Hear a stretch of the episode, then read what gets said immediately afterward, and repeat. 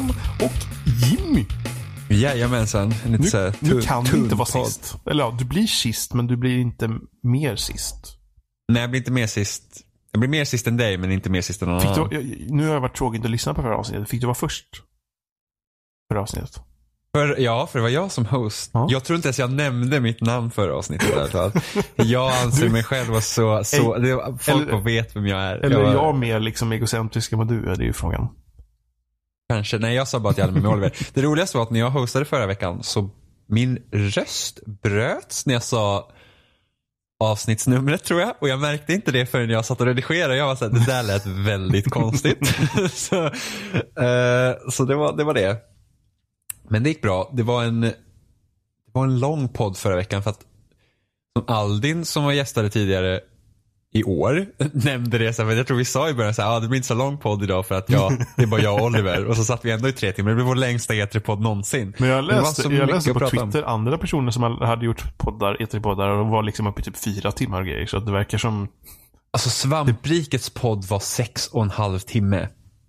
Det är... Jag kollade av ren nyfikenhet för att jag ville höra lite hur Svampriket låter när de poddar.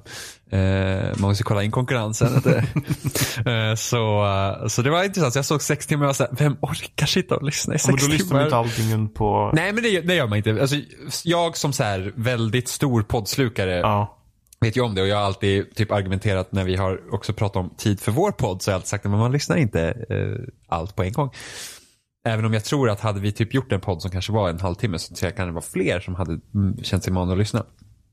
Eh, men ändå sex och en halv timme och det är typ därför jag inte, jag har ju alltid varit sugen på liksom på typ Giant Bombs eh, podcast och Giant Beastcast som är deras här, typ New York kontors podcast. Men det är bara det att deras avsnitt är verkligen alltid, alltid typ tre timmar långa. Och jag säger att jag har, jag har inte den tiden för då måste jag liksom kapa andra saker jag måste lyssna på. Så det är, ja, det är mitt ilandsproblem.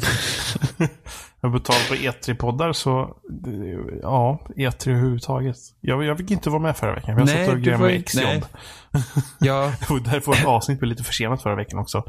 Lite extra. ja, ja, jag blev sent på grund av E3 och sen sent på grund av andra åtaganden. Ja. Så Johan, vad, vad, vad, vad, vad, vad gillade du som visades under E E3? Jag, jag var nog förvånad över hur mycket jag gillade Microsofts presentation. Men du gjorde det? Ja, ja men de, deras liksom, den, den, den funkar bra. Jag, sen, jag såg inte Sonys. För att det var mitt i natten. Och sen så har jag bara kollat typ alla trailers. Eh, det, det, det, det finns ju den där sidan med e3recap.com eller någonting sånt där. Som Jaha. är typ hur bra som helst. Den bara lägger upp alla nya trailers, eller alla nya spel som visats. Och sen alla trailers och alla, alla så här saker som visades. Så, där. Eh, Mm. så det, det var där jag kollade mest på Sonys.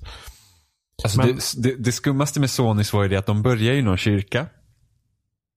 Där, ehm, som skulle representera den kyrkan som, som man såg i eh, Last of Us 2-trailern. Okej. Eh, ja, men det var så himla bisarrt. Oliver typ, han bara så här, vad, alltså vad är det? Alltså vad tjaskigt det ser ut så här typ. Du vet så här, ja men nästan som en så här typ logfest i princip. Och, och så visade de Last of Us 2-trailern. Och sen blev det typ någon sån här pre-show-grej medan de skulle skyffla alla de människorna som var på den här Last of Us 2-grejen för att gå till den riktiga presskonferensstället. Va? Flyttar de på alla? Ja, så att det var någon sån här pre-show så fick man se folk från så här typ eh, Playstation social media team. Eh, och, och så här. Och vi bara, vad är det som händer? Så typ satt de och pratade lite om så här, läste och så, vad bra det såg ut. Och man var så här, okej. Ja, Det var jättemärkligt var det. Eh, men ja, det, var, det var skumt. Så jag trodde först att ska de göra så här för varje spel? För de skulle ju bara visa upp. Jaha. De hade liksom nämnt de här fyra spelen de skulle visa upp. Så tänkte vi att man ska de skyffla om människor från varje spel? Det är jättemärkligt. Men det, det, det var bara för Last of Us. Vilket ändå var märkligt. Nej, men jag känner nog att Microsoft på något sätt, den var så finslipad på något sätt. Och det, det blev aldrig liksom det här.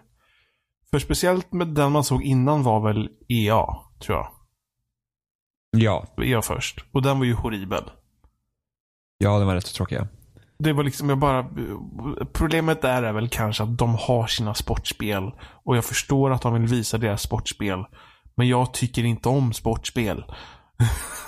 Nej, Det fast det var liksom- ändå inte så mycket sportspel de visade. Nej. Det var bara det att de visade inget. var Det var inte så intressant helt Nej, enkelt. det var... Det var liksom bara så här, ja, Unravel 2 finns nu. Ja, och det var inte online co-op på det. Så det var så här, jaha, alltså jag vet inte om jag spelade själv. liksom. Var det inte online co-op? Nej, det är bara, det är bara soft co-op.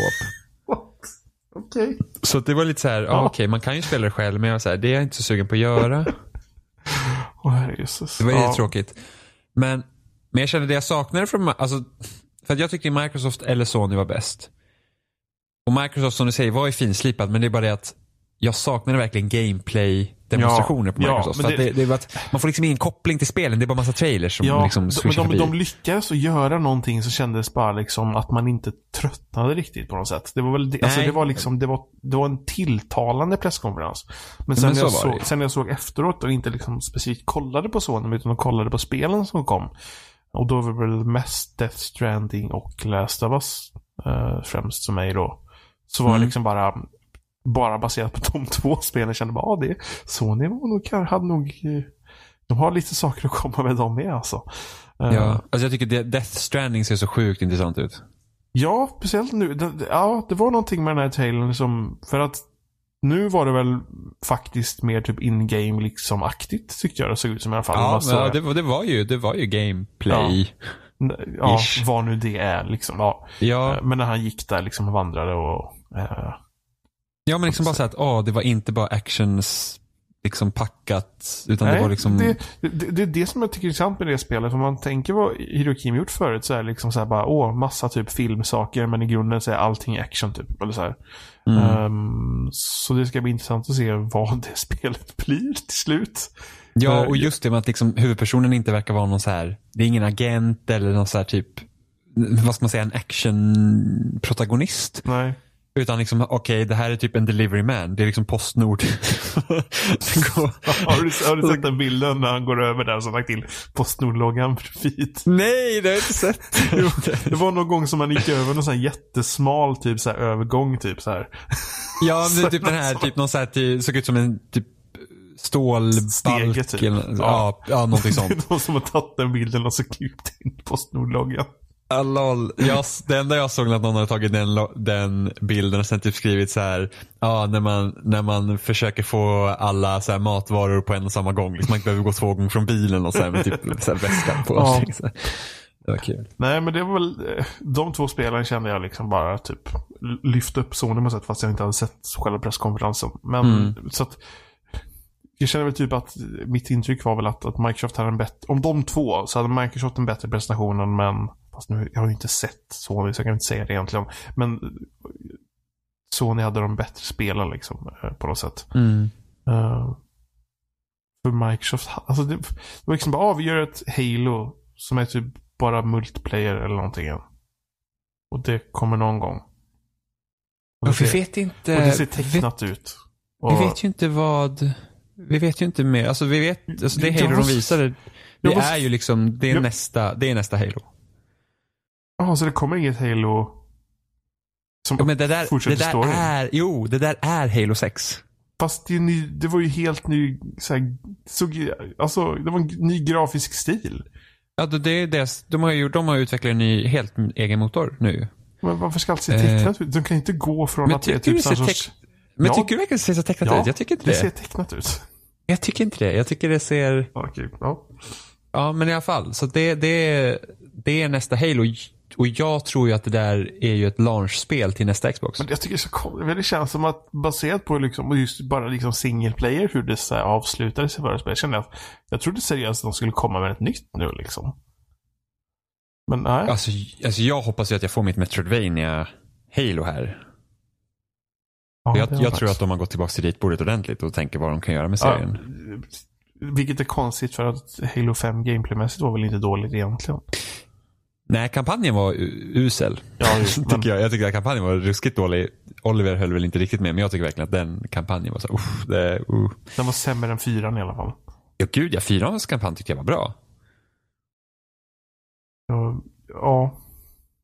I alla fall storymässigt, storymässigt Ja. var den ju betydligt bättre. Eh, Men på ett sätt så kände jag för att Jag trodde att jag skulle se massa spel på Microsoft, typ.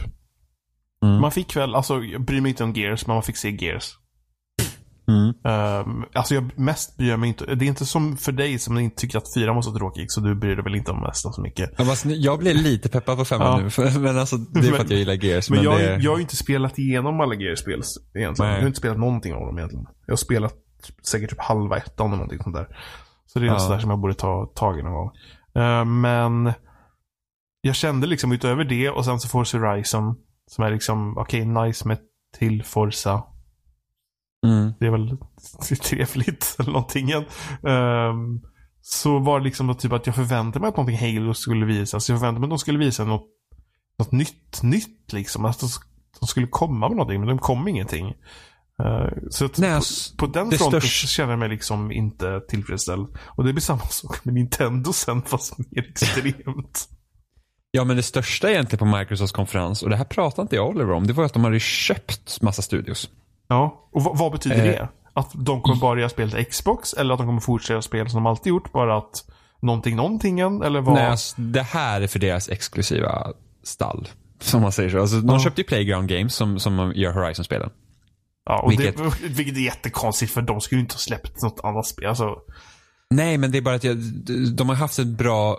Jag tror att det här är liksom för att inte riskera att de hamnar någon annanstans. ja, alltså Eh, det är för att investera och hålla dem ja, säkert hos dem och- och sådär. Och Playground Games håller ju på med ett annat spel som inte är utannonserat. Okej. Som ryktas att vara nästa Fable. Jaha. Eh, så, att, så att jag tror de investerar, alltså de investerar på riktigt där. För jag tror, alltså, Men det är, ju fortfarande, det är ju fortfarande minst liksom oförväntade av dem de nämnde liksom. Det var ja, liksom jo, bara, precis så är, så okej, är det ju. jag först, liksom, det var liksom bara, Men det är så att investera, investera i den studion, se till att de liksom kan göra mer än Horizon. Och det är bara så att Horizon är, i mitt tycke då, den bästa racingspelserien Ja. som någonsin har Ja. gjorts. Alltså det, det är det är liksom, det smälter samman arkadracing med simulatorracing på ett sånt sätt att jag har svårt att spela andra bilspel som inte är Forza Horizon. Jag gillar Forza Motorsport. Nu har inte jag spelat. Jag har spelat den här uh, Forza Motorsport 6-versionen så finns det PC. En sån här någon liten variant typ. Uh, Vad är det Forza Apex. Apex? Ja, precis. Uh, och innan dess har jag ju mest spelat fyran, tror jag väl det är, tror jag. Mm. uh, på Xbox 360. Och jag, alltså jag gillar det spelet väldigt mycket. Men på samma gång, typ när typ Horizon som är så lättillgängligt så känner jag inte lika mycket sug efter motorsport. För Jag att, har ju inte, jag har ju inte spelat motorsport sen trean. Ja, för att, för att Horizon, det är liksom det, det är paketerat så bra liksom. Eh, så att, Och det är bara så kul att köra. ja. Det är helt fantastiskt. Det tar aldrig stopp. Det, det sätter inte... Liksom, är det, säg att det är ett race som är svårt. eh, och att det är problematiskt för att man kanske inte har en bil som är bra på rätt sätt. För det kan hända. Då bara liksom, jag har 2000 miljoner andra race att köra, så det är bara att ta ett av dem istället. Mm. Och så kommer man tillbaka det senare och så klarar man det första försöket. För så, så brukar det vara typ för mig. jag, det är ett race som är jättesvårt som man inte klarar. Skiter i det ett tag och sen går tillbaka till det så klarar det första försöket. Typ. Ehm, för det, där var det största problematiken med uh, EA's uh, Need for Speed Payback var det väl som jag fick recensions- recensionsexemplar på. Precis. För det satte så mycket liksom stopp för den. För att det var liksom jobbigt. Och sen var det hela den här lootbox-grejen och Mm. för att köpa delar så var de typ slumpade och de slumpades x med x antal minuters mellanrum och det...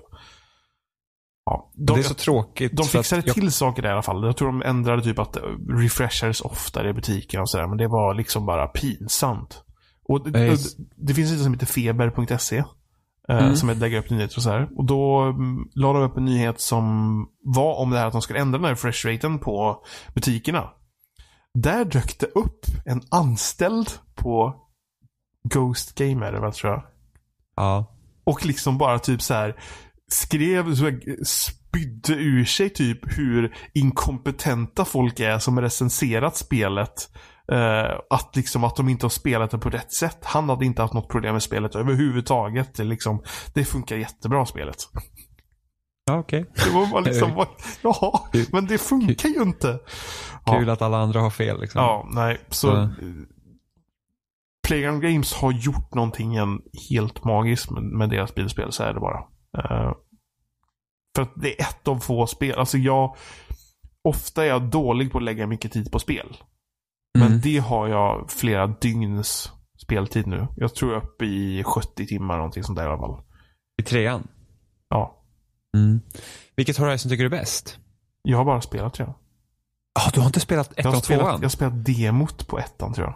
Okej. Ja, jag, jag gillar ju fortfarande ettan bäst. Men det är mest för så här att det var inte typ en miljard race, vilket gjorde att man kunde faktiskt spela Ja. allt. Eh, jag tror jag också är mer förtjust i den kartan med det här hösttemat och typ mycket grusvägar och sånt. Det ska bli intressant med det nya nu då för att, att det kommer ju vara att det bytars årtid och grejer. Ja, varje vecka. Ja, ah, det är varje vecka det ska vara. Vilket jag är lite så här för, alltså det är så här, att, fine, alltså jag förstår ju den lösningen typ. Men det är så här att ofta brukar inte jag sitta och spela ett spel liksom en månad på det sättet. Och inte ett Horizon-spel utan man brukar liksom avklara det ganska fort. Och det är så att, ja men okej, vilken årstid kommer det vara när spelet släpps? Och då kommer jag ju förmodligen spela majoriteten av spelet där. Eh, för jag, jag är ju så inte förtjust i den här typ games as service-grejen. För jag, jag spelar alldeles för mycket så att jag stannar inte vid ett spel på det sättet. Och typ, okej, jag spelar Halo flera gånger i månaden liksom sen det lanserades. Men det är ett spel. Jag kommer inte göra som alla och speciellt inte Horizon. Så det är väl lite tråkigt. Men jag kan att man förstå, jag kan förstå på ett sätt för att Forza är typ ett sånt spel som jag tror att många typ återkommer till. För det, så är det för mig i alla fall. Eh, Jo, så är det. Men det är så här, jobbigt om man alltid prickar in vintern. Så här. Vad fuck. Mm. Ja, jag är det- skitsugen på att spela Horizon så bara, jag hatar att spela på vintern. Exempelvis. Liksom. Det, det, det är lite tråkigt. Så det, har varit, det, det kan ju hända att det ändras sen att de kanske sätter upp vissa servrar som har en viss årstid Ja. beroende på vad man vill spela. Ehm, men sen, sen köpte de ju Undead Labs som har gjort State of Decay. det, det var också bara med. Tycker jag. Och det är också lite så väntat. Men samtidigt så här att jag vet att Undead Labs liksom mål med State of Decay var att göra typ ett MMO-liknande spel. Så jag undrar om de faktiskt ska få göra det. Eh, för tanken var att när första State of Decay var så det, det jag kommer inte ihåg exakt hur de hade döpt de här grejerna. Men det var liksom State of Decay 1 var liksom så här, ja men testet. Och det skulle, det skulle vara co-op redan i det spelet men de kunde inte fixa det av någon anledning. Och sen tvåan har co-op och jag tror att de kommer försöka göra någonting typ zombie MMO liknande. Fast tvåan är vet- dålig co-op. Eh, ja, tvåan har dålig co-op ja, precis. så de har, inte, de har inte lyckats med det med andra spelet då. Nej, så Ja. vi får se vad de gör med Microsofts eh, pengar i ryggen. Och sen hade de ju grundat en ny studio som heter The Initiative. Som ska vara i Santa Monica. Och det var bara att de finns. Bara. då. Det var, inget, de, det var ingenting speciellt om dem va? Eller? Eh, nej, alltså vi vet ju inte. De ska, göra, de ska arbeta med ett nytt IP. Ja. Så att förhoppningsvis så blir det ju inte ett IP som typ såhär, ja vi gör en till shooter. Det hade varit lite tråkigt. Och jag hoppas de inte typ slänger på dem Perfect Dark eller något sånt annat. Alltså, jag känner att Microsoft behöver något nytt. Alltså Ja. nytt nytt. Och inte bara säga, ja men titta vad kul. Voodoo Vince 2 eller något sånt annat obskyrt IP som alla har glömt Ja. bort. Eh, Nej, men jag, jag känner väl att, att Microsoft överlag var någonting som, ja, jag menar, det, det, klickade rätt så mycket. Och det var ju, även fast vissa av de här nya studierna, liksom, det känns liksom förväntat på något sätt, så känns det att de visar att de vill göra spel. Eh, mm. och det, det är så intressant i den här typ så här, om man jämför med när de presenterade Xbox One. Åh gud. Och det, Det är så extremt stor skillnad. Så det, alltså det är... Och det absolut värsta med den här Xbox One-grejen är ju det att nu börjar det liksom komma upp artiklar där folk säger att ah, Microsoft hade rätt hela tiden. För de har glömt bort vad de här policyerna faktiskt innebar. Utan det mesta de pratar om nu bara, ah, men typ den här 24 timmars check-in var ju inte så farligt för att typ det finns massa spel som är games as service nu. Att man är online hela tiden. Fast det så här, gick, det gick ju inte att starta konsolen alls var det väl? Eller? Det gick väl inte att spela alls? Nej, precis. Om du inte checkade in liksom i 24 timmar så liksom, då, då, då hade du en hög med plast under tvn. Eh, men det var ju inte det värsta. Det är det som folk glömmer bort. Det var ju inte det farliga. För att jag tror Steam måste ju också liksom kolla med någon så här internetgrej emellanåt också. Eh, det värsta var ju att de försökte begränsa andrahandsmarknaden på ett sätt som var helt insane. Det var ju typ så här, ja, ah, du kan inte du kan inte typ låna ut spel till en kompis om ni inte varit vänner i 30 dagar först på Xbox live. Och liksom, tänk att försälja, liksom, sälja ett spel då, det blir jättejobbigt. Och sen kunde man göra det bara en gång per skiva. Så att, säg att jag säljer spelet till dig och du köper det. Sen kan inte du sälja det spelet vidare. För att det funkar inte längre. Eh, och vad var det mer? Ja, men det, var, det, var he- alltså, det var jättekonstigt. Det var så här, men alltså, begagnat handeln löser ju sig självt när allt blir digitalt till slut. Det är liksom ett problem som de inte ens egentligen hade behövt Nej. hålla på. Och, och liksom, den grejen var ju betydligt värre. Ja. Och det glömmer folk bort. Och det roligaste är att Microsoft har kvar de här Xbox Wire-artiklarna. Där de, där de liksom, de hade tagit bort dem som förklarar hur policyerna ska fungera för Xbox One från början. Så att jag är bara glad över att det inte blev så. För att det, alltså det, var, ju, alltså det var helt vid, vidrigt var det. Så att, eh, ja, jobbigt som fan. Eh, men jag tror största så här, överraskningen för deras liksom, hej vi köper studios är ju att de köpte Ninja Theory. Och Ninja Theory är ju de Just som det, har det var de som gjorde det där uh, korta Hellblade. spelet. Vad har de gjort innan? Hellblade, eh, DMC gjorde de, den typ rebooten från 2012. Ja, de gjorde bara det rebooterna. Mm, Precis, och sen i Enslaved, An Odyssey to the West gjorde de, släpptes 2010 tror jag. Eh, jag tror det vann årets spel för Level det året. Eh, och sen gjorde de Heavenly Sword till PS3. Just det. Och de är väldigt liksom bra på den här narrativa grejen. Och jag vet att det var många som typ blev så, åh, blev typ sura på Twitter. Det vill säga att, oj, jag kan inte spela det på min PS4 nu för att ingen äger en Xbox. Eh, liksom, åh, det är inte i många branscher typ man hurrar för att ett stort företag köper upp ett mindre. Men jag känner bara så att Ninja Theory är en sån talangfull studio och de har varit nära flera gånger att hamna i konkurs. Att, att, att de liksom kan få Microsoft uppbackning och liksom Ja. få Microsoft resurser och Microsoft verkligen vill satsa på att göra liksom narrativa spel och liksom känna sig att okej den här studion kan göra något intressant med mediet. Då säger jag att bra. Så att de inte går under. För att de är, alltså, de, de är på en högre nivå än många andra studios. Och, Eh. och fort, alltså, och, och de har ju, jag för mig de har sagt att de flesta, är det alla spel, de flesta spel som ska bli cross-plattform med PC? Jag kommer inte ihåg hur det är. Jag mig Alltså, att, det- jag mig att alla Microsoft Studios utgivna spel ska bli det. Om jag inte minns helt fel. Jag vågar inte säga ja eller nej på den men eh, Men i alla fall då så att om det är så. Så betyder det att då kanske du inte behöver ha en Xbox då. Men du kanske behöver ha en dator i alla fall. Liksom, så att, Ja, så att, men, men, men jag tror att hade Sony köpt Ninja Theory då hade de här personerna förmodligen inte eh, kritiserat det. Nej. Det, det är min liksom, jag kan Ja. ha fel, men det var min initiala re- reaktion. Bara, Okej, nu kan inte ni spela det här på PS4 längre, det är därför ni egentligen är sura. För att det är Microsoft och det är Xbox, en konsol ni inte vill köpa. Eh, jag ser det en, bara som konsol som är positivt. mycket, en konsol som är mycket bättre. Ja, alltså, ja, i, alltså, ja idag, idag tycker jag också att Xbox är bättre än PS4. Ja, men Eh. alltså bara ur, ur ett hårdvaruperspektiv och man kollar även på original Xbox One och jämförde med original PS4 liksom. Så var Xbox One designad på ett sätt för att den skulle hålla liksom. För att hårdvaran i sig i Xbox One är att den är stor och luftig. Och det finns en stor, en stor eh, sån här vanlig fläkt som ser ut som en eh, bordsfläkt liksom. Som blåser liksom in. Mm. Medan PS4 har en jättetajt och komplicerad konstruktion som ser väldigt snygg ut när man tar isär.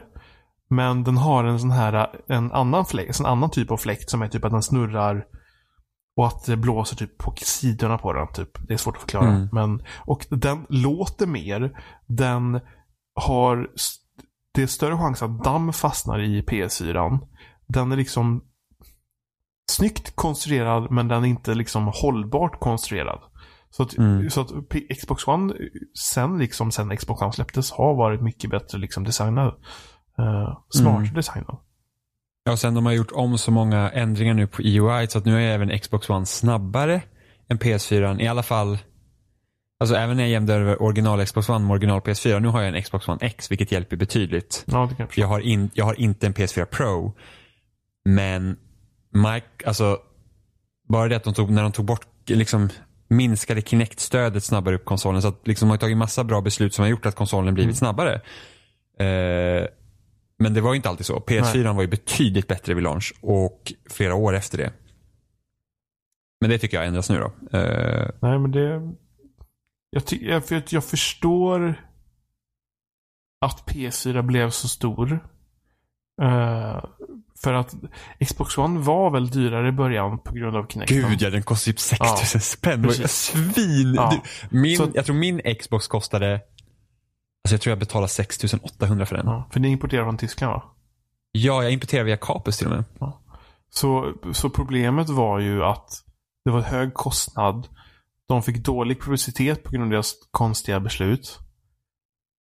Ja, så körde PS... alla spel sämre på grund av att Kinect-stödet, liksom sådana konstiga PS, prioriteringar. PS4 fick ju en sån boost, så jag förstår att folk håller hårt med det på något sätt. Att det blivit någon extrem liksom. Uh, vi, vi är typ tillbaka på typ så Xbox original mot PS2 igen på något konstigt vänster. Uh, Ja, det ska bli spännande med nya konsoler sen och se hur de väljer att tackla det och om Microsoft typ kan att det kan gå lite bättre för dem. Ja, det, det uh, tror jag det kommer göra för att uh, om de fortsätter så som de gör nu. Mm. Och bara och sen gör det, med spelen. Gör alltså, det bättre, alltså, bättre och kommer massa spel ja. Och det, och det de verkligen behöver göra nu, för jag tror inte att de helt kan hänge sig åt sina gamla serier på det sättet. Utan de måste komma med nya mm. så att de kan få öv, i så fall liksom vinna över lite folk. För att Bryr du dig inte om Halo idag så kommer du inte bry dig om Halo Infinite heller. Bryr du dig inte om Gears idag kommer du inte bry dig om Gears 5 heller på vi, det sättet som typ. Men, vi, vi, pratade, att, vi pratade väl om, om bristen av uh, storydrivna typ äventyrsspel uh, mm. hos Xbox. Uh, ja. Då väl, Gears 5 kanske är väl något åt det hållet. Jo, men ändå liksom, det är fortfarande en gammal etablerad serie. Ja. Så har du liksom inte intresserat dig för den Nej, då så kommer du inte göra det riktigt nu heller. Liksom, så, så tittar man på Sony till exempel, om du har Last of Us 2 till exempel. Det är ju en uppföljare. Ja. Men samtidigt så har man ju Last of Us, är ju en serie som liksom är väldigt liksom, väl ansedd. Eh, men då tittar man liksom, Death Stranding, det är något nytt. Eh, Ghost of Tsushima är något nytt. Spiderman, det är liksom, mm. visst alla vet vem Spiderman är men det där spelet ser ut att vara typ någon Arkham-motsvarighet. Ja. Eh, så det får ju folk att liksom bli peppade på det sättet. Eh, ta ett spel som Days Gone eh, får ju liksom mycket buzz för att det är något annat. Det är liksom inte, det är inte Assassin's Creed 73 liksom. Eh, så att jag tror Sony vinner mycket på det och sen de tar liksom här olika liksom spänn, alltså ta, ta ett spel som The Last Guardian liksom. hur länge var inte det i utveckling och det får ändå liksom komma ut. Det liksom, mm. De vågar ta sådana risker också. Jag tror det ger väldigt mycket. På samma sätt typ som Microsoft gör med Crackdown 3. Att Crackdown 3 inte är nedlagt är, är ju liksom det får man ändå kanske ge dem en liten eloge för. Att de liksom ändå har stått kvar vid det spelet. Nu är jag inte dugg intresserad av Crackdown. Alltså jag, för mig är det verkligen så att jag förstår inte att den serien är en grej. jag tycker verkligen att det är liksom, det jag har spelat av ettan, jag har kanske spelat två timmar av ettan, var verkligen så att det här är ingenting som jag tycker är roligt. Eh, på det sättet. Och, och, jag, jag, och jag tycker allt jag har sett från Crackdown 3 är verkligen så att jag tycker inte att det ser kul ut heller. Alltså, Crackdown 3 är hur jag kommer ihåg att Crackdown 1 såg ut. Ja, men eller hur? Lite så är det faktiskt. Ja. Visst, visst det, det, det är ju inte det. Eller alltså det, det, det, ser ju nog förmodligen grafiskt snyggare ut. Men man springer runt som en snubbe i en värld. Och gör ja. vad då? Ja men typ ettan sen, man samlade orber för att bli typ starkare för att typ kunna döda, fortsätta döda skittråkiga fiender. Och man var så här, jaha. Okej, okay, liksom typ det här är en liten sandlåda. Där man typ kan skjuta saker och döda saker som man inte typ gör i hundratals andra spel. Det är lite så jag känner med Crackdown. Eh, så att jag är inte alls pepp. Men Oliver är pepp. Men hans smak kan man ju ifrågasätta. ja, eh, men, men, men, jag ska inte skita på folk som tycker om Crackdown för att jag tycker inte om Crackdown. Nej, men det var väl Microsoft och Sony då. Och mm. nästa jag såg, jag såg inte Ubisoft och Bethesda. Dem. Bethesda såg jag väl efteråt. Alltså Bethesda kändes som typ ett gammalt E3-konferens för de har typ musiknummer och grejer. Ja. Det kom in. Han ja, som, det... Eh, den låten de hade till Rage 2-trailern, den kom liksom de in och typ körde performance på. Han var, alltså, han var helt galen. Alltså Bethesdas konferens var så himla konstig. Att först kom han in och var typ såhär, vad fuck yeah, rocka järnet, typ headbang och var helt galen på scen. Och sen så de som visade upp Rage 2 den ena killen var aslång. och den andra var skitkort. Så de bredvid varandra såg jättekonstigt radarpar ut och sen så typ slutade teleprompten att fungera så de bara stod och var skittysta ett tag och vi var såhär, vad är det som händer? Det, det, var lite så roliga moments.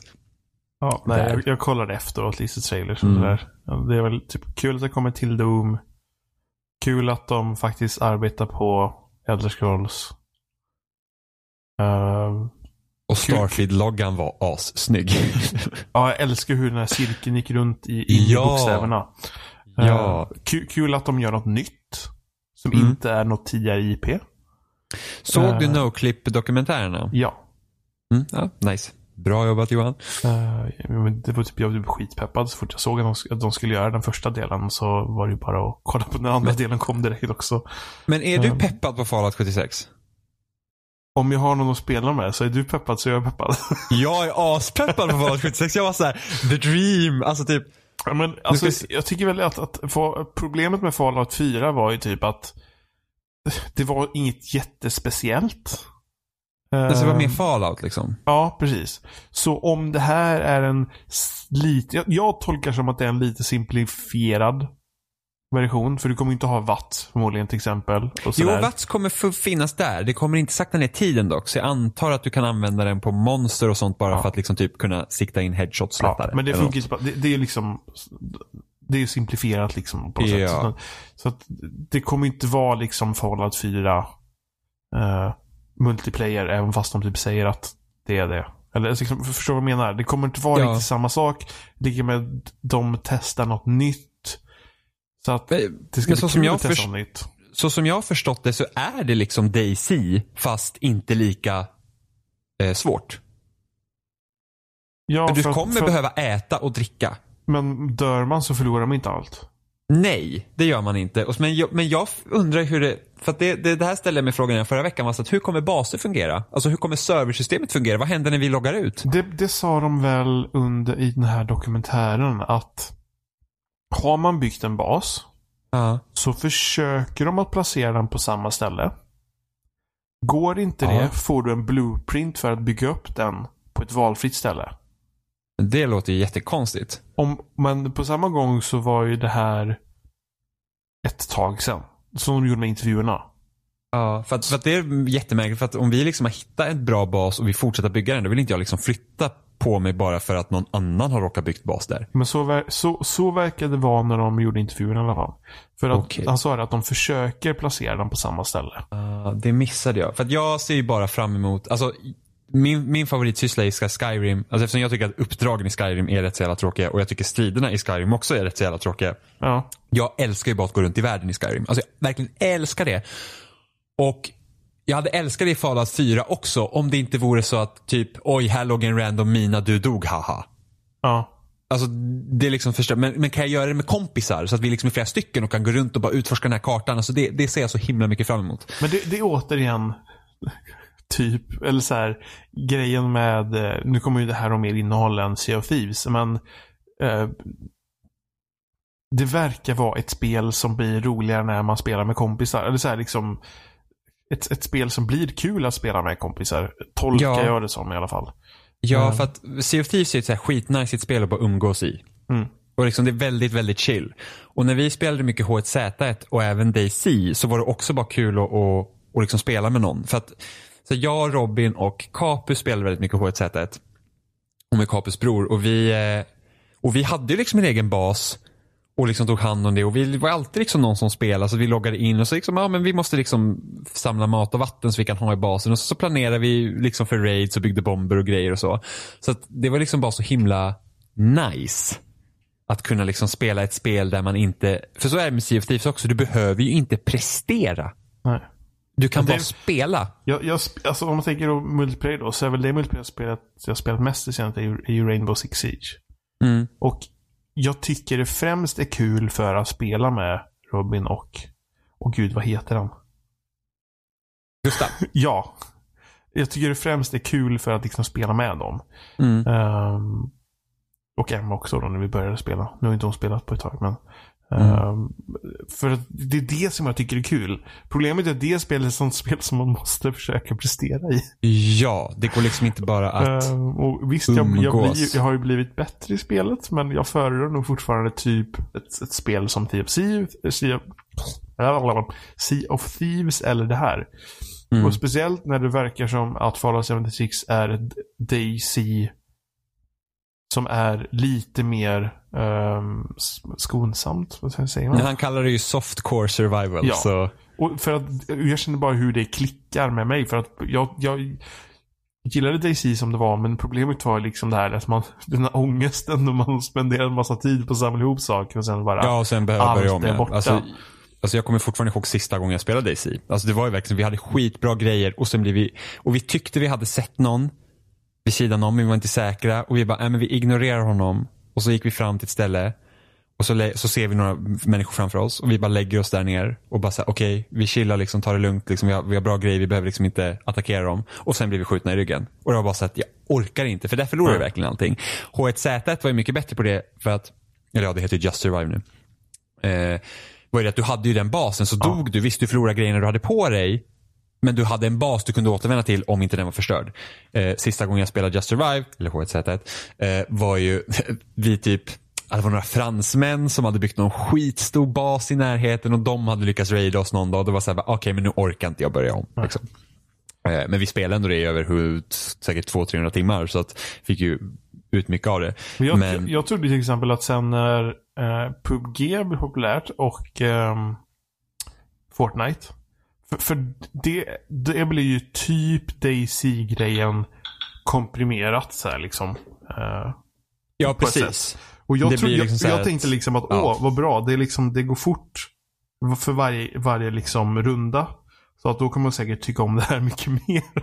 Och jag har Mm. märkt det nu när jag spelat Fortnite, eh, typ ett tiotal matcher på, på min Switch. Att Mm. det blir snarare att, att ångesten ökar för att det går fortare. Det är till jag dör varje gång. Det Ja. bara liksom ökar mängden. Eh, så att jag känner att Fallout 76, liksom, om, det, om det liksom är liksom ett lite snällare överladdningsspel så ja, nej, jag hoppas på det. Jag tror mitt största problem med Fortnite och eh, PUB är ju det att jag tycker att de är roliga. Liksom sådär.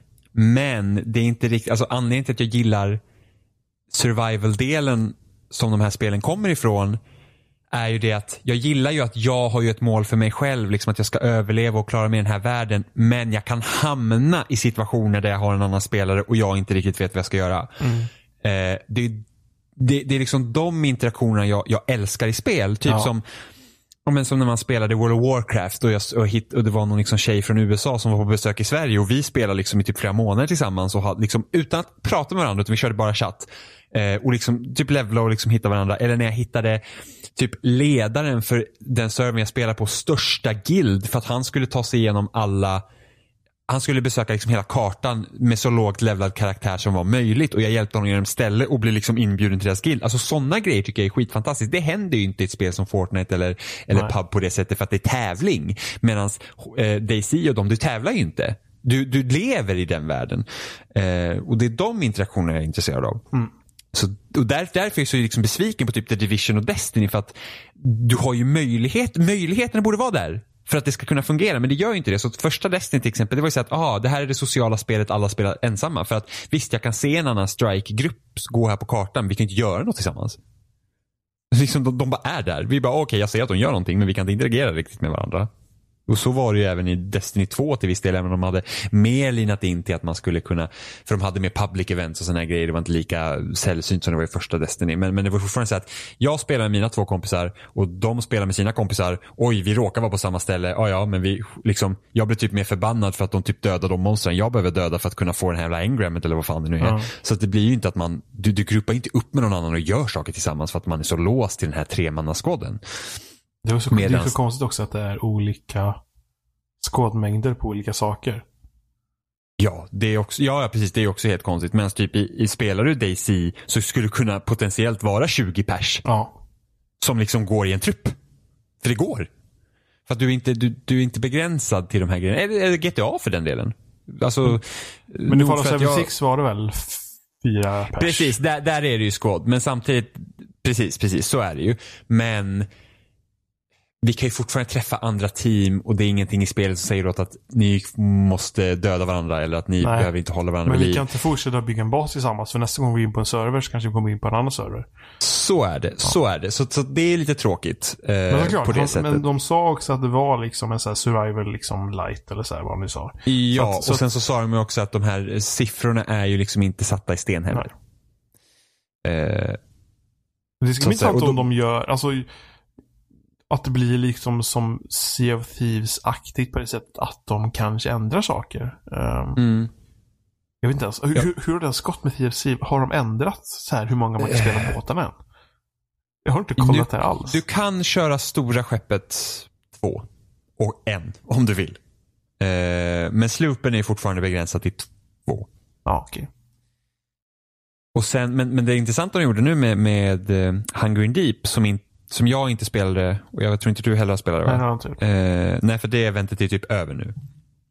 Men då, då Vad, för kan man att, inte för att, spela det nu?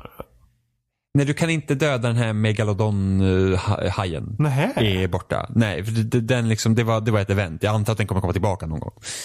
Eh, Så det kommer komma tillbaka? Eller vadå? jag antar att det kommer komma tillbaka, för de ska ju ha så här weekly events. Jag vet inte om de har typ startat det nu eller Men var någonting inte sånt. det hela den nya maj-uppdateringen?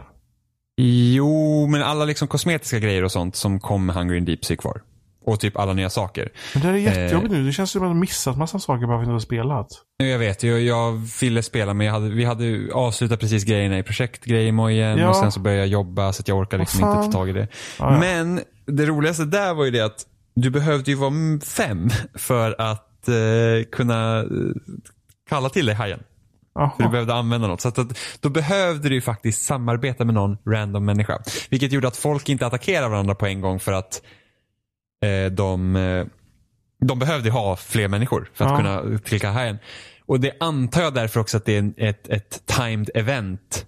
Eftersom har man den där hela tiden så kommer det finnas, då kommer det liksom återgå till det att okej, de som vill kanske få den här hajen kan inte hitta någon människa för att de, vill inte, de har tröttnat på det. För att de har redan gjort det. Så då bara skjuter de i alla fall. Så jag antar att det är därför Ja. man har valt att inte ha den hela tiden. Ja, okej. Eh, Men det kändes lite tråkigt att missa det, men jag kände att jag, jag hade verkligen inte tid, ork Nej. eller lust att... eh, ja, eller vi planerade att spela med Ida för att det hände i samband med att hon gästade oss i princip. Ja. Eh, men jag hade strömavbrott den kvällen. Så att eh, jag kunde inte spela. Vilket kändes sjukt random att få strömavbrott mitt i stan. Ja, det är nog väldigt ovanligt rent statistiskt faktiskt. Ja, det är nog väldigt ovanligt ja. Eh, annat var när man bodde på landet, då var det ofta Ja, strömavbrott. då, Eh, men då var man van med det också. Ja, för vi satt och spelade med, jag satt och spelade med Oliver med Halo så här och så bara, allt dog jag var så här, jag har strömavbrott och sen så bara Ida bara, åh är ni ute och seglar? Jag bara, nej jag har ingen el. så att eh, det var lite tråkigt. Så att nej, jag missade min chans där. Eh, Men jag känner mig typ nu när jag är klar med skolan förhoppningsvis på riktigt. Ta i trä. Mm. Så nu kan jag liksom börja ta upp saker igen. alltså Ja. jag, jag gillar ju skolan alldeles för mycket märker jag. Så jag är så här, jag, jag börjar ju också nå sluten på min utbildning typ ish. Jag har en termin kvar innan jag kan ta ut en examen. Sen vet inte jag om jag ska ta ut en examen på en gång. Eh, om jag ska plugga vidare. Men det... Men jag känner ändå att jag har, så här, jag har haft mer tid att spela när jag gått till skolan än när jag jobbar. Men samtidigt så har jag en timme enkel väg till mitt jobb. Och jag Ja. jobbar så här udda tider så att eh, ja, det hade ju hade jag jobbat närmre och på bättre tider så kanske jag inte hade känt samma sak. Men just nu är det så att jag, alltså vardagar, om jag stänger butiken till exempel, då är jag hemma kvart i nio Ja, då blir det på jobbigt. kvällen. Och då är det så här att, oh, vad ska man göra när man kommer hem? Då bara, oh, jag kanske hellre kollar typ på Netflix än att jag Ja. sätter mig och spelar typ en timme. Så det är lite drygt. Men Nintendo har jag typ nafsat vid några gånger i alla fall. Mm. Ehm, och det var horribelt.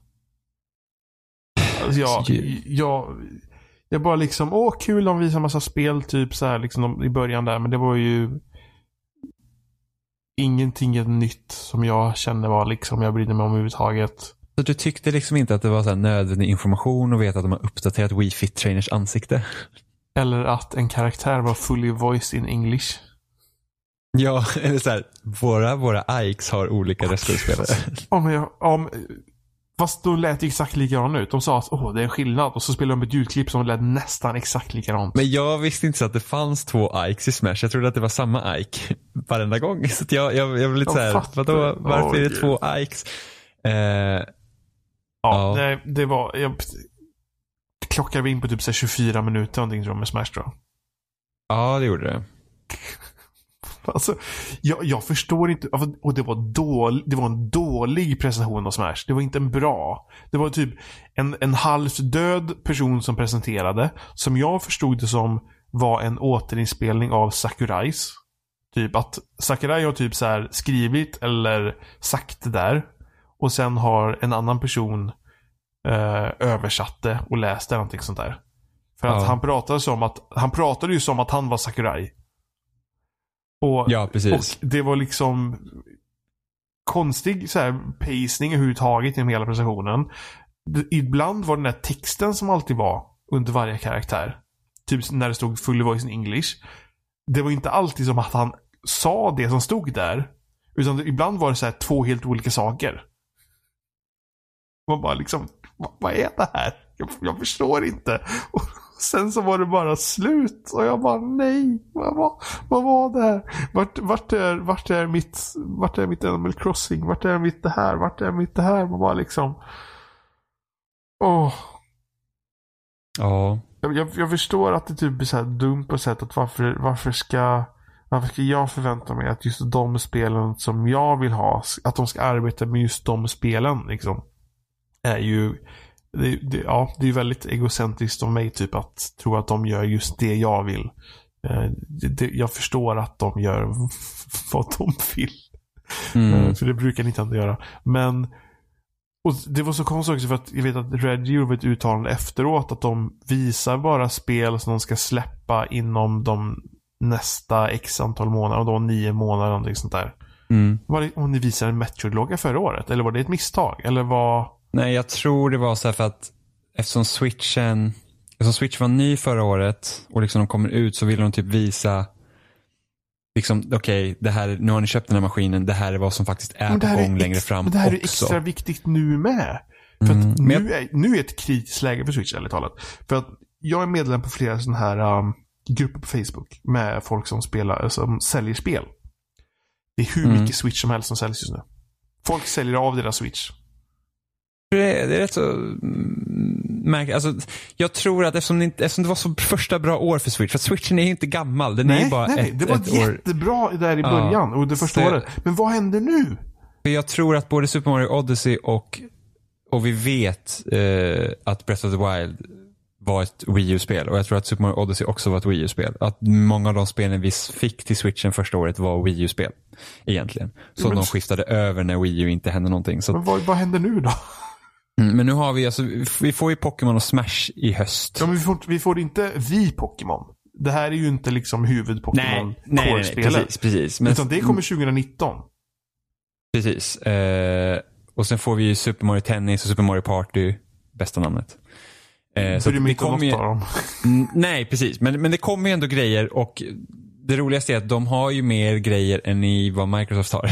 Jo, jo. Men, men Microsoft har Horizon. jag förväntar mig bara att Nintendo på något sätt skulle hålla igång tempot. Och jag tolkar inte Super Mario Party och ett tennisspel som att hålla igång tempot. Nej, vi, vi får se. Alltså, jag, Ja. fast Smash och Pokémon kommer ju ändå vara, det är ändå Ja, stort Men problem, okej. Jag glömmer typ bort Smash hela tiden. För att jag blir så förbannad över Smash-presentationen. Det handlar inte om att jag inte vill ha Smash. Det var bara liksom att hela den grejen fick mig att liksom bara... Mm. Men, men vilka tre spel tyckte du var intressantast under visningen? Alltså, alltså E3 totalt liksom. Okej, Last of Us måste ju vara med där. Mm. Um, Death Stranding måste vara med där. Mm. Jag vet jag inte tror jag. Det är väl typ Forza Horizon eller... Eller Fallout 76. Mm. Jag tror, jag tror väl att Fallout 76 kanske är trean då. Och sen kommer kanske, om man lägger till en fyra, så är nog eh, Forza efter det. Mm. Men du, Du peppar inte inför Cyberpunk då? Jag vet inte vad det är. Liksom. Eller alltså, jag förstår att det är deras nya liksom, spel typ. Som ska, Ja. Men Ja. eftersom jag typ inte har spelat Witcher. Så jag har ju inte kastat mig in i vad de skapar för spel. Ah, jag förstår, jag förstår att de är bra på det de gör. Mm. Eh, jag har ju sett No-Clip-dokumentärerna. Ehm, så jag förstår att de är bra på det de gör, men... Och, och den, det, det de visar var, för mig i alla fall, inte sägande. Ja, det- Så, Ja, ja, ja, den den, den precis. betydde ingenting mig. Liksom. Nej, det är sant. sant. Eh, Jag har ju läst lite tyckte om hur demot de visade upp så här. Ja, nej men jag, för mig, jag har ju bara sett det. Då tyckte jag nog nästan, för de hade... Originalteasern var väl bara en förrenderad teaser på någon sorts robotkvinna eller något sådär. Då tycker jag nog faktiskt den var mer intressant än vad det här var. Ja, jo, men det, det kan För jag att den med. var typ...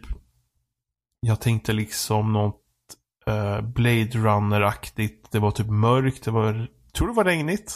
Mm, mm. I den original teaser-grejen de gjorde. Nu var det typ ljust och... Jag vet inte, det var... Jag kan förstå folk som är taggade på det. Men jag kände att det kan bli intressant. Men det här var liksom inget som fick mig att tagga till. Mm. Jag bara undrar, som alla andra oss taggade på det, så undrar jag bara om du hade någon Är du åsikt. taggad på det? Jag är sjukt taggad på det. Ja. Men, Men, jag, eh, men det var ju, jag kan förstå om man var taggad innan att man blev taggad av den trailern. Men om man är någon som inte är taggad innan. Så den, den trailern betydde ju ingen. Alltså den, Nej, det är sant. För att jag, var inte, jag blev inte heller så taggad över trailern. Jag blev Nej. taggad sen när jag fick höra folk eh, när de Ja. beskrev demot. Och sen typ när det kom ut att det var ett första personsspel. Jag var såhär, oh my god. Eh, så att, ja, det- så, så, så den trailern var ju inte liksom så här, alltså de kunde gjort något mer intressant. Tycker jag.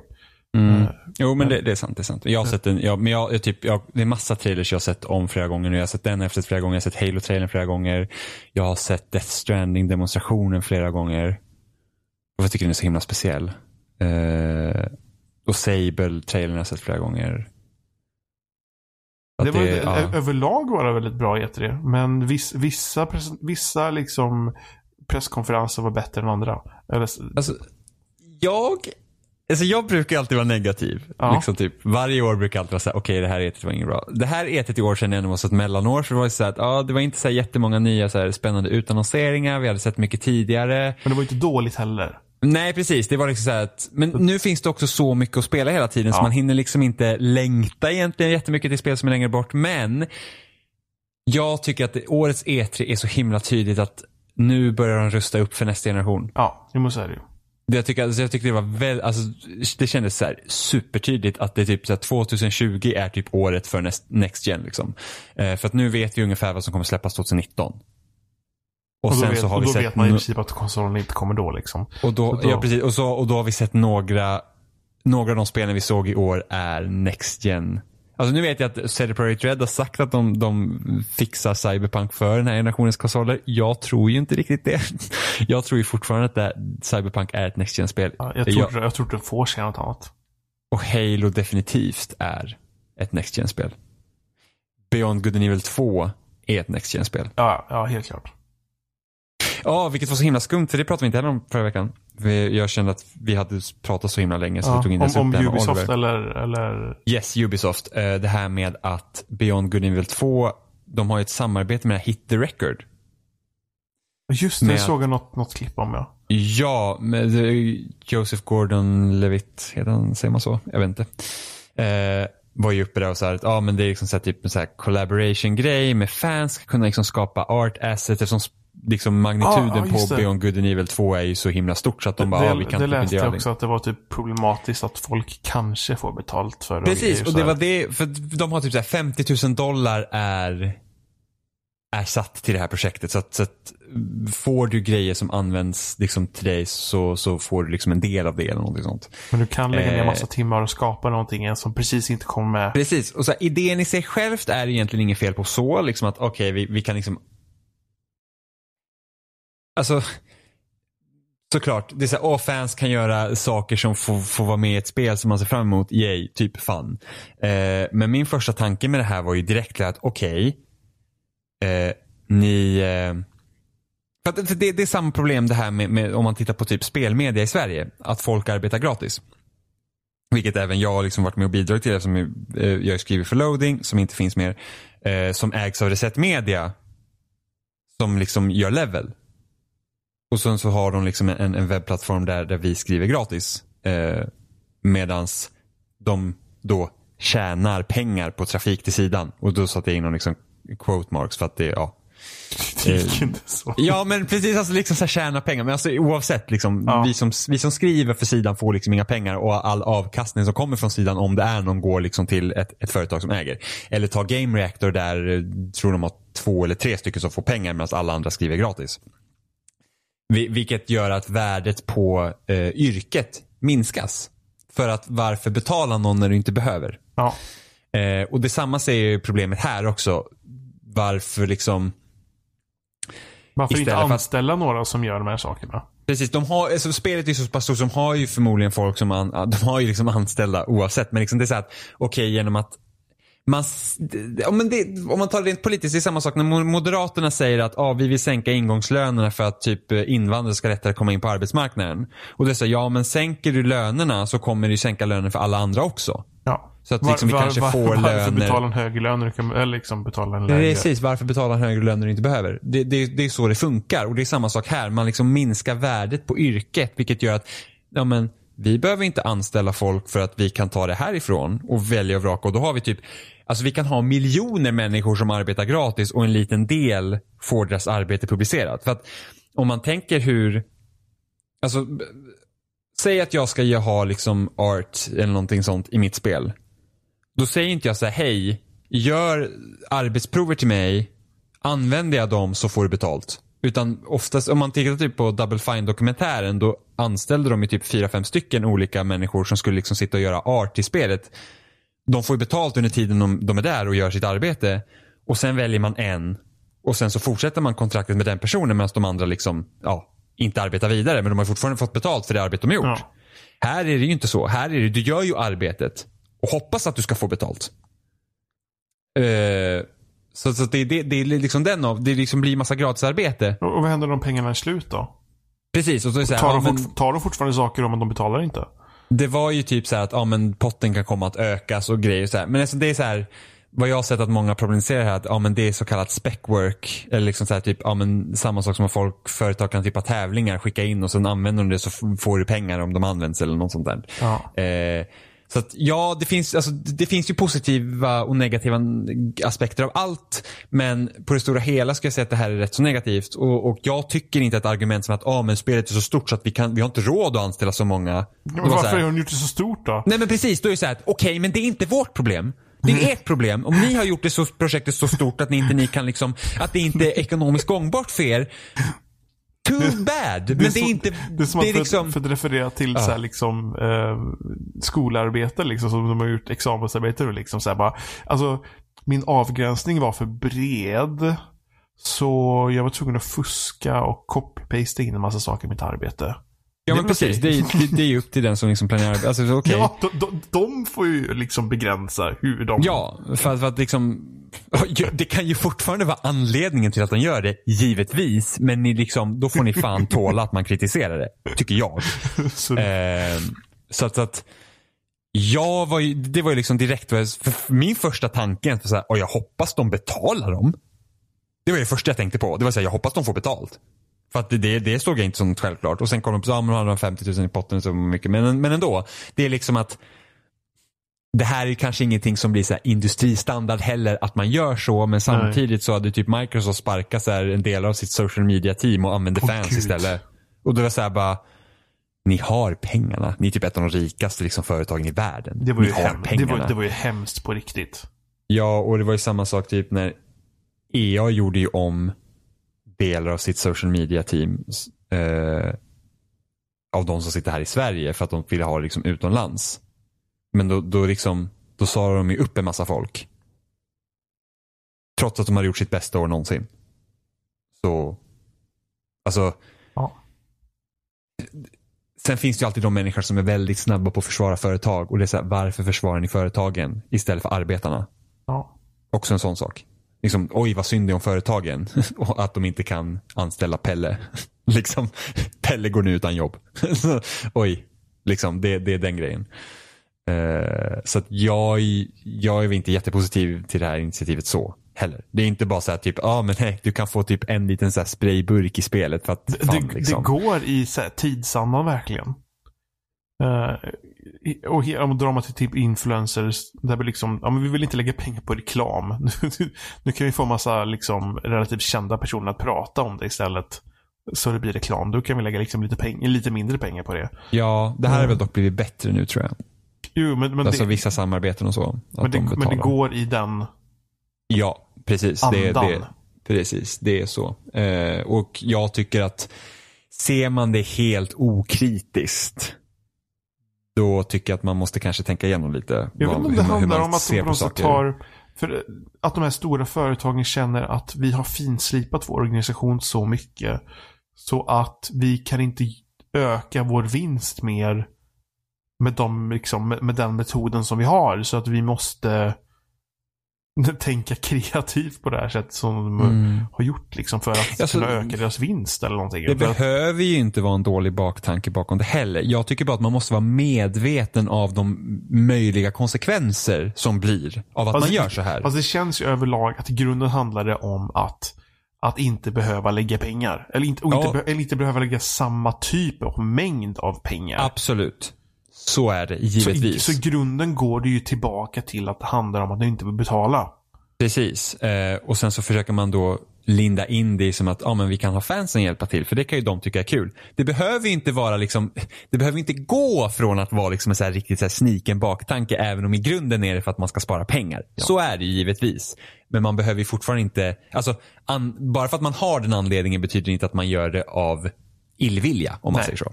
Men, men grunden mm. är alltid ja. spara pengar.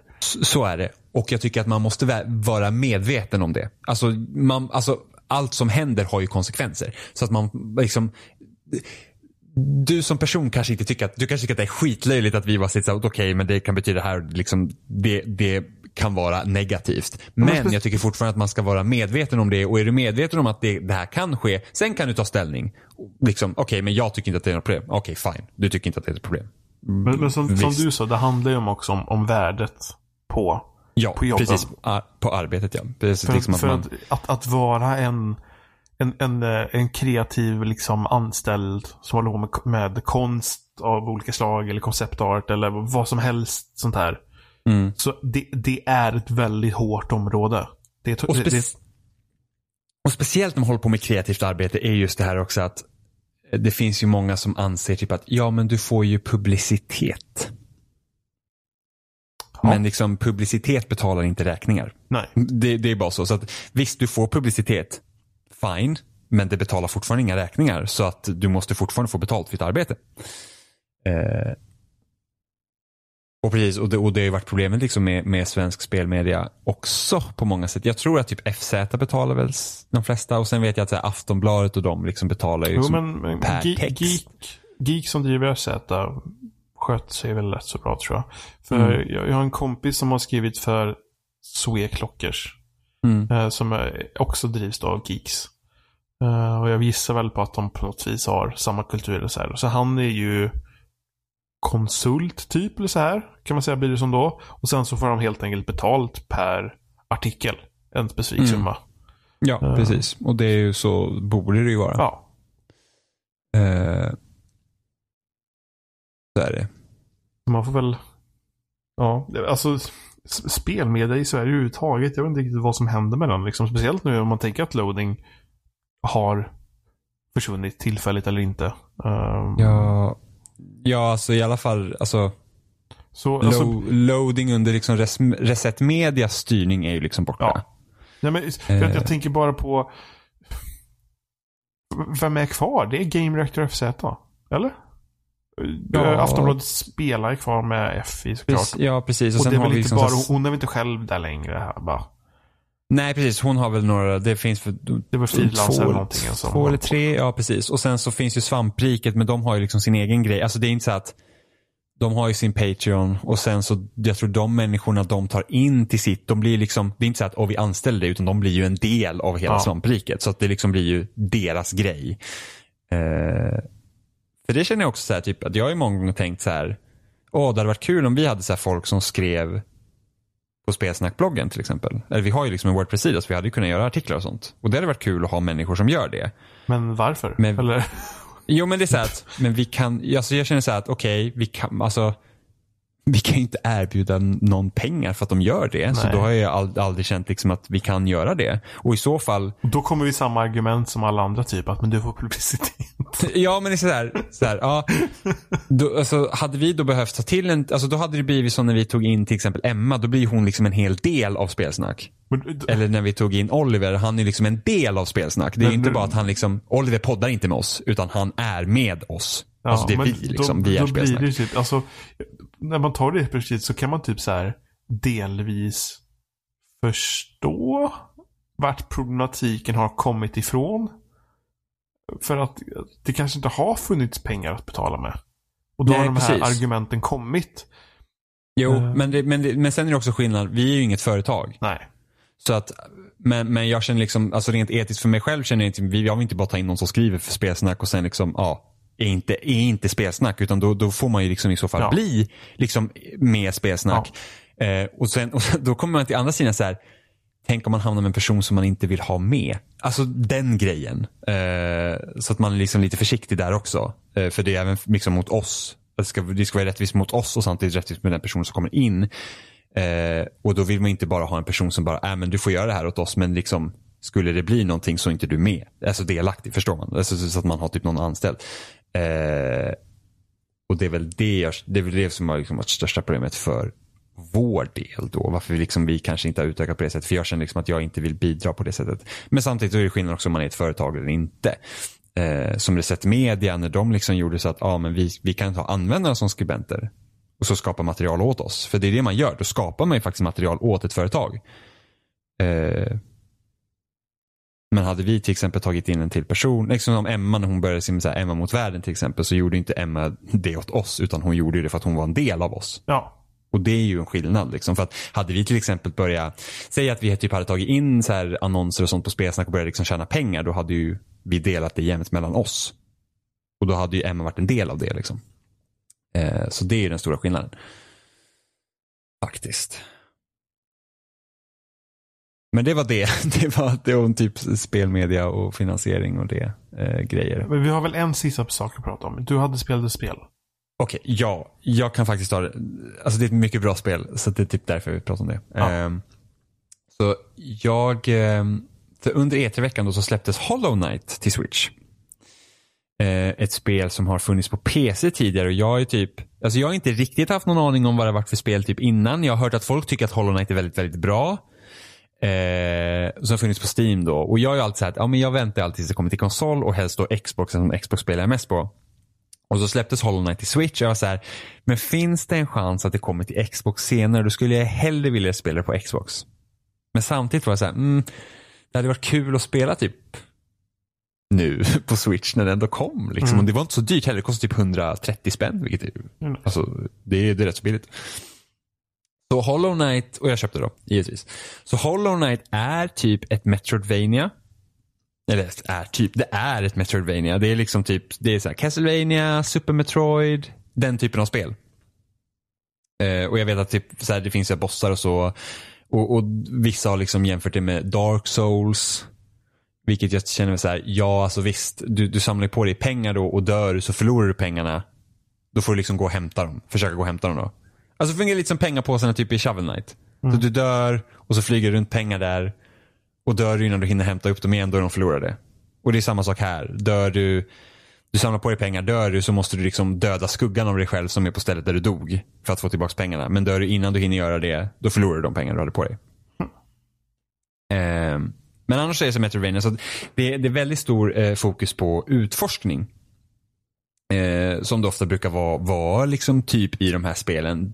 Dock tycker jag att det här spelet sköter utforskning bra mycket bättre än egentligen något annat spel jag har spelat i genren. Liksom, även bättre än Super Metroid. Jag vet att många typ har dragit så här jämförelse med Castlevania Symphony of the Night. Jag spelar väldigt lite av Symphony of the Night. Så att jag liksom kan inte riktigt säga att det är som det spelet. Eller om, om, om det är typ bättre än det spelet eller om Symphony of the Night gör det bättre. För att jag inte spelar tillräckligt mycket. Men, men av de spelen jag spelar i den här genren så tycker jag att det här spelet gör utforskning bra mycket bättre. Om man till exempel jämför med eh, Axiom Verge som släpptes för några år sedan som var väldigt inspirerat av så här Super Metroid. Mm. Så tycker jag även det här spelet är, gör det mycket bättre. För att du får egentligen så här ingen riktig kontext till varför du är här. Utan du, du, liksom, du börjar på ett ställe så kommer du till den här byn som liksom blir liksom, typ en hubb med liksom olika affärer och sånt. Och så är det typ att ah, men folk typ letar efter rikedomar runt om i den här världen och det har varit någon typ gammal civilisation här och vi liksom har inte riktigt någon aning om vad det är för någonting. Och sen så, får, sen så bara får du gå och utforska. Och det finns liksom inga riktlinjer att nu borde du gå hit. Eh, för det var typ problemet i Axiom Verge var att det fanns ju en väldigt tydlig så här, critical path. Att du måste liksom, nu är du den här tidpunkten i spelet, du måste göra det här för att kunna avancera. Bara att spelet sa typ aldrig åt dig att nu ska du hit. Det var liksom, ofta var det så att, okej okay, nu är jag fast. Nu, nu är det bara att gå igenom varenda del på kartan igen och hoppas att det finns någon pixel här jag kan komma liksom igenom nu. Så att jag har missat någon dörr som inte jag kunnat komma igenom tidigare eller något sånt. Så att det blir väldigt mycket så att okej okay, nu är jag fast, nu är det bara att börja gå igenom varenda del på kartan igen och kolla vart jag kan gå. Så blir det inte riktigt här på det sättet utan sp spelvärlden är så organiskt uppbyggd och jag tror att det är typ och här tror jag också många liksom jämför med första Dark Souls över hur den världen var uppbyggd. Liksom att man, det kändes som verkligen du rörde dig igenom det stället. Och jag tycker här blir lite likadant. Att man liksom, du är på en del på kartan och sen oj, nu kom du helt plötsligt till en ny del som inte du har sett tidigare. Eh, men även liksom om, om när du får nya förmågor till din karaktär som typ, ja men nu kan jag dasha i luften en gång eller nu kan jag hoppa två gånger i luften. Så är det inte som att jag måste kolla typ vart någonstans var det nu jag inte kunde komma upp tidigare och försöka memorisera det utan även kartan liksom är visuellt uppdelad så att man ser tydligt att här är en snippet jag inte har kunnat komma igenom tidigare. För att här liksom, jag ser att kartan fortsätter, eller typ här borde den fortsätta men jag har bara inte upptäckt den kartan. Så att då blir det väldigt så att när jag känner så att okej okay, nu vet inte jag riktigt vart jag ska. Då kollar man på kartan och så bara, här är ett område inte jag har varit på. Då går jag dit. Eh, och ser om jag kan komma över det här. Och ibland är det så att, okej, okay, nej, det verkar som att jag saknar någonting fortfarande så får jag gå någon annanstans. Eh, men just det att när man spelar liksom och håller på med, med liksom någon del av kartan så, så är det liksom så att man kommer till nya områden på ett sätt som gör att, liksom att det känns verkligen som att jag upptäcker världen. Och det tycker jag att många av de här typ Metroidvania-spelen har misslyckats med tidigare. För det finns ganska så här tidigt att ah, men här är en dörr du inte kommer igenom nu, du får komma tillbaka senare. Men här känns det verkligen som att jag får gå igenom den här världen. Jag får upptäcka den.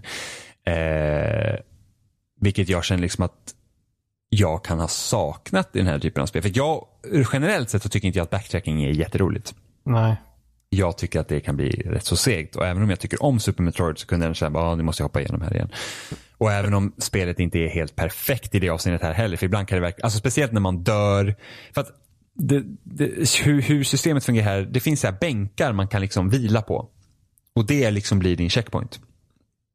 Och vissa av de här bänkarna är liksom utplacerade på ett sånt sätt att ibland kan det bli väldigt jobbigt när man dör. Eh, och man var såhär, åh nej nu måste jag gå igenom den här delen igen. Och speciellt inom vissa bossar. Så att okej okay, men jag vet att den här bossen är svår. Och kommer jag dö nu så får jag liksom hoppa igenom samma eh, liksom, korridor igen. Och så kommer det vara samma fiender på vägen hit igen. Eh, vilket kan bli lite jobbigt i stora längden. Men på det stora hela är det, är det väldigt, väldigt, väldigt bra. Eh, och liksom det påminner mig mycket om typ så här, ja men som tidigare i vår när jag spelade Celeste. Och var liksom att oh my god det här liksom plattformsspelet är så himla bra.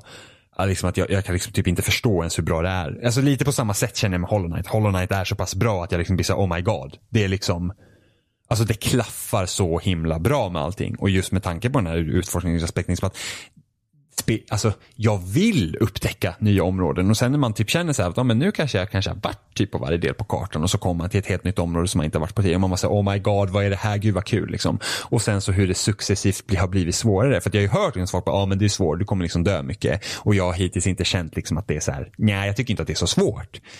Eh, men nu när jag liksom, jag har ju säkert kommit till i alla fall hälften ska jag tro, det verkar vara väldigt långt så är det typ så här att okej okay, nu börjar jag liksom känna att när jag, när jag har kommit till ett nytt område nu och, liksom inte vet vart det finns någon så här checkpoint och man har mycket pengar på sig. Då blir man så här att okej okay, nu blir jag lite nervös. Liksom. Och det, det ger ju en viss spänning till hela utforskningsgrejen. Man kanske får vara lite försiktigare samtidigt som man vill ta sig vidare. Ehm, och Jag sen ser- gillar jag, Jag kollade lite på, på jag kollade på Switch-trailern till spelet och det Mm. ser ju extremt fint ut måste jag säga. Alltså ja, alltså den visuella stilen är ju verkligen supertrevlig. Liksom att, att de har ju verkligen hittat en typ, för det ser ju typ tecknat ut. Och inte på det här typ billiga 2D-sättet som alltså vissa så här 2D-spel kan se. Typ Newgrounds-grejen. Liksom att, att, att Det är liksom att, ja, typ, det ser ut som allt annat. Utan det är ju väldigt, alltså du har en väldigt säregen stil och liksom väldigt den här tecknade stilen. Och sen just med det här att fienden och sånt är liksom baserade typ på insekter. Så att det, det har ju en väldigt liksom tydlig, det har en tydlig art direction, liksom en tydlig liksom fiendegrejer och så här, liksom typ maskar och skalbaggar och sånt som ändå inte typ ser äckligt ut. Ehm, så att jag tycker det här spelet är väldigt, väldigt, väldigt bra. Och jag tycker verkligen att har man en switch och liksom verkligen vill spela, alltså eller fine, har du en PC och tycker om att spela PC-spel, fine köp det. Men liksom nu med också switch, så köp det. Alltså det, det är liksom så bra. Jag tycker att det här är också ett spel som alla liksom borde spela. Så att hade jag spelat det här förra året så hade det ju lätt varit på liksom så här typ årets spellistor. För att det är så bra. Nice. Eh, och så här väldigt bra musik och liksom det, det, det är liksom för att, för att nu innan E3 så var, alltså jag kom liksom in i en så här typ spelsvacka. Jag känner liksom att jag har Alltså jag spelade väldigt mycket i april och sen under maj så jag inte spelade lika mycket för att mycket i skolan och sen jag liksom gjort andra saker. Och bara kände så här, jag var inte ens pepp på E3 innan för jag var verkligen så att jag är typ, alltså jag har typ hamnat i en sån svacka nu att jag känner bara att jag vill typ inte röra spel överhuvudtaget. Nej. Men Det, Eh. alltså, det har blivit mycket på något sätt överhuvudtaget. Så, här, Ja. så alltså E3 betyder ju inte samma sätt som det gjort förr. För att man, man blir ju så mättad innan. Mm. Ehm, Så är det. Eh, men jag brukar ändå vara liksom, alltså jag har inte haft en spelsvacka på flera år. Liksom så att jag känner så att, oh, nu vill jag inte göra någonting. Alltså jag vill verkligen inte, alltså jag, jag bara känner så att jag vill liksom inte, alltså, jag vill typ inte ens titta på ett spel. Eh, men så kom E3 och sen, ja, och jag tycker ändå E3 är ändå kul. Så. Men jag var inte peppad på E3 på förhand. Jag var så att jag hade typ inte ens brytt mig om jag hade missat typ E3. Men sen måste vi liksom göra podcast och grejer så att vi måste ändå se. Eh, och jag sa, ja men E3 liksom ändå lyckas få upp. Men så spelade jag det här liksom. Och det här bara kom så rätt i tiden. Jag var så här, åh vad nice det är med spel typ. Bara för att jag spelar här för det är så bra. Så det är kul. Så jag tycker verkligen att man ska spela Hollow Knight. Och då spelar inte det egentligen om, som, "Åh, jag tycker inte om typ Metroidvania. Så bara, nej men alltså ge det en chans ändå. så att det är så bra. Eh, så att, eh, ja men verkligen liksom. All kärlek till Hollow Knight. För att jag tycker att det är, alltså det är ett fantastiskt spel. Fantastiskt spel. Och jag har typ allt jag hade att säga om det. Egentligen. Ja, det, var väl allt vi hade för den här veckan tror jag. Ja, det blir väldigt mycket E3 igen, men det gör ingenting för det är kul att prata om. Men nästa vecka om, blir det förmodligen inget E3. Så kan man ju tro. vi får ju se vad vi har liksom hittat på till nästa vecka. Men ja, vi, vi finns som vanligt på spelsnack.com. Där hittar länkar till alla ställen där vi dyker upp. Och eh, vi finns på RSS-flöden och alla möjliga podcastappar och iTunes och ni kan skriva till oss spelsnack at, nej, nu har jag inte på den gamla mejlen. Eh, kontakt at spelsnack.com. Eh, Gud, nu börjar jag tänka, sa jag rätt mail förra gången? eller våra förnamn at eh, spelsnack.com går också. Mm. Och loading finns inte mer, så vi finns inte delade på loading. Men om ni saknar loading så har vi faktiskt en Discord-kanal. Och det finns en Facebook-sida som heter Gamla Loading. Precis, och även vår Discord heter Gamla Loading av någon Mm. anledning. Jag vet inte vem det var som döpte den. Men jag tror väl att om Eh. du går in på Gamla Loading på Facebook, den här gruppen, så Då- hittar du väl vidare. Och hittar du, eh, hittar du Facebook-sidan för Loading har väl en länk till Discord va? Jag tror det. Ja. Jag, jag, sköter in, jag har inte skött loadings eh, Facebook. Eh, det, det, går nog att hitta sig vidare dit. Så det, men- det, det är över 300 medlemmar nu tror jag. Ja, det tror jag med. Och sen, men hittar ni gamla loading på Facebook så finns det även länkar där. Jag har administrationsrättigheter för gamla loading på Facebook. Så att jag... Gamla om Loading ni- som är nya Loading. Ja, precis. Så, så att om, om, om ni är med på gamla loading på Facebook-sidan så är det förmodligen jag som har accepterat er in i den gruppen för att jag har gjort det väldigt mycket. Eh, jag hoppas att vi har en länk till Discord som håller hela tiden. Så att ni kan komma in till Discord på gamla load. För att, för att gamla load, eller loadings Discord just nu fungerar väldigt mycket som forumet gjorde. Vi har liksom olika kategorier som man kan liksom diskutera. Så här, men det är inte ett forum i den grad att det är enkelt att hålla igång diskussioner på samma sätt. Utan det är mer som en chatt. Mm. Men det finns massa olika. Så att, så att loading lever vidare just nu på Discord. Det var väldigt mycket aktivitet runt, eh, under E3. Ja, det var det. Det var väldigt kul. Det var faktiskt väldigt roligt. Ehm, och ja, det är väl egentligen att jag säger loading. Vilket jag kan plugga nu eftersom det här är inte Reset Medias loading utan det är fortfarande någonting som vi som har varit i loading-redaktionen håller på. Så, att det, så det är ju en del av mitt projekt så att jag kan faktiskt säga att ni kan gå in på loading och känna, ändå känna att vi inte gör det för någon annan, för det är för vår egen del. Mm. Så att jag kan fortsätta plugga loading på vår podcast också. Det gör jag. Men det var allt. Fick Ja. ett fullspäckat avsnitt till om Det fick E3 och spel. Jag är faktiskt väldigt så här peppad på att spela No Man's Sky när det släpps till Xbox One. Just det. Och då ska du få multiplayer va? Yes, och jag Kan man- tror förmodligen att jag kommer köpa om det också till Xbox Kan One. man, Jag kan man joina varandra eller måste man leta upp varandra? Eller Jag tror att man kommer kunna göra det varandra. Jag tror inte att det kommer vara en sån här grej att de bara, nej men ni får försöka hitta varandra i världen. Jag tror att det Bra. kommer vara typ Ja, men då- ett skåp. Jo, men de ännu har där, ännu där Det- spelare som man vill spela för att man, det kan vara kul att spela med någon annan. Mm, ja, men det kan jag verkligen tänka att, att det kan vara ett otroligt fantastiskt att spela med en kompis. Eh, även om jag fortfarande hade hoppats på, liksom så här att när, när No Man's Sky släpptes, att det var liksom så att oh, jag kan träffa någon annan. Liksom här. Jag vet ju inte hur matchmaking-systemet kommer, eller hur liksom vanligt det kommer vara att man hittar andra människor i världen också. För att jag antar att du spelar ju med upp till fyra kompisar tror jag det är. Och sen antar jag att man kan hitta andra människor på planeterna också. Men jag vet inte hur det kommer fungera. Alltså det bästa är ju typ om det hade varit någon typ journey-liknande system. Att man liksom när man kommer till ett solsystem så bara kollar den av om det kan finnas någon annan liksom i närheten och sen så paras man ihop på det sättet. Istället för att det ska vara en server med typ 24 pers på hela universumet. Det tror jag inte att det kommer vara. Utan jag hoppas att det är typ ett journey-liknande grej. Men vi hörs igen nästa vecka. Så får vi säga hej då för nu. gör vi. Hej då för nu. Bye Och för alltid. Men nej. För alltid nej. För alltid. Åh nej.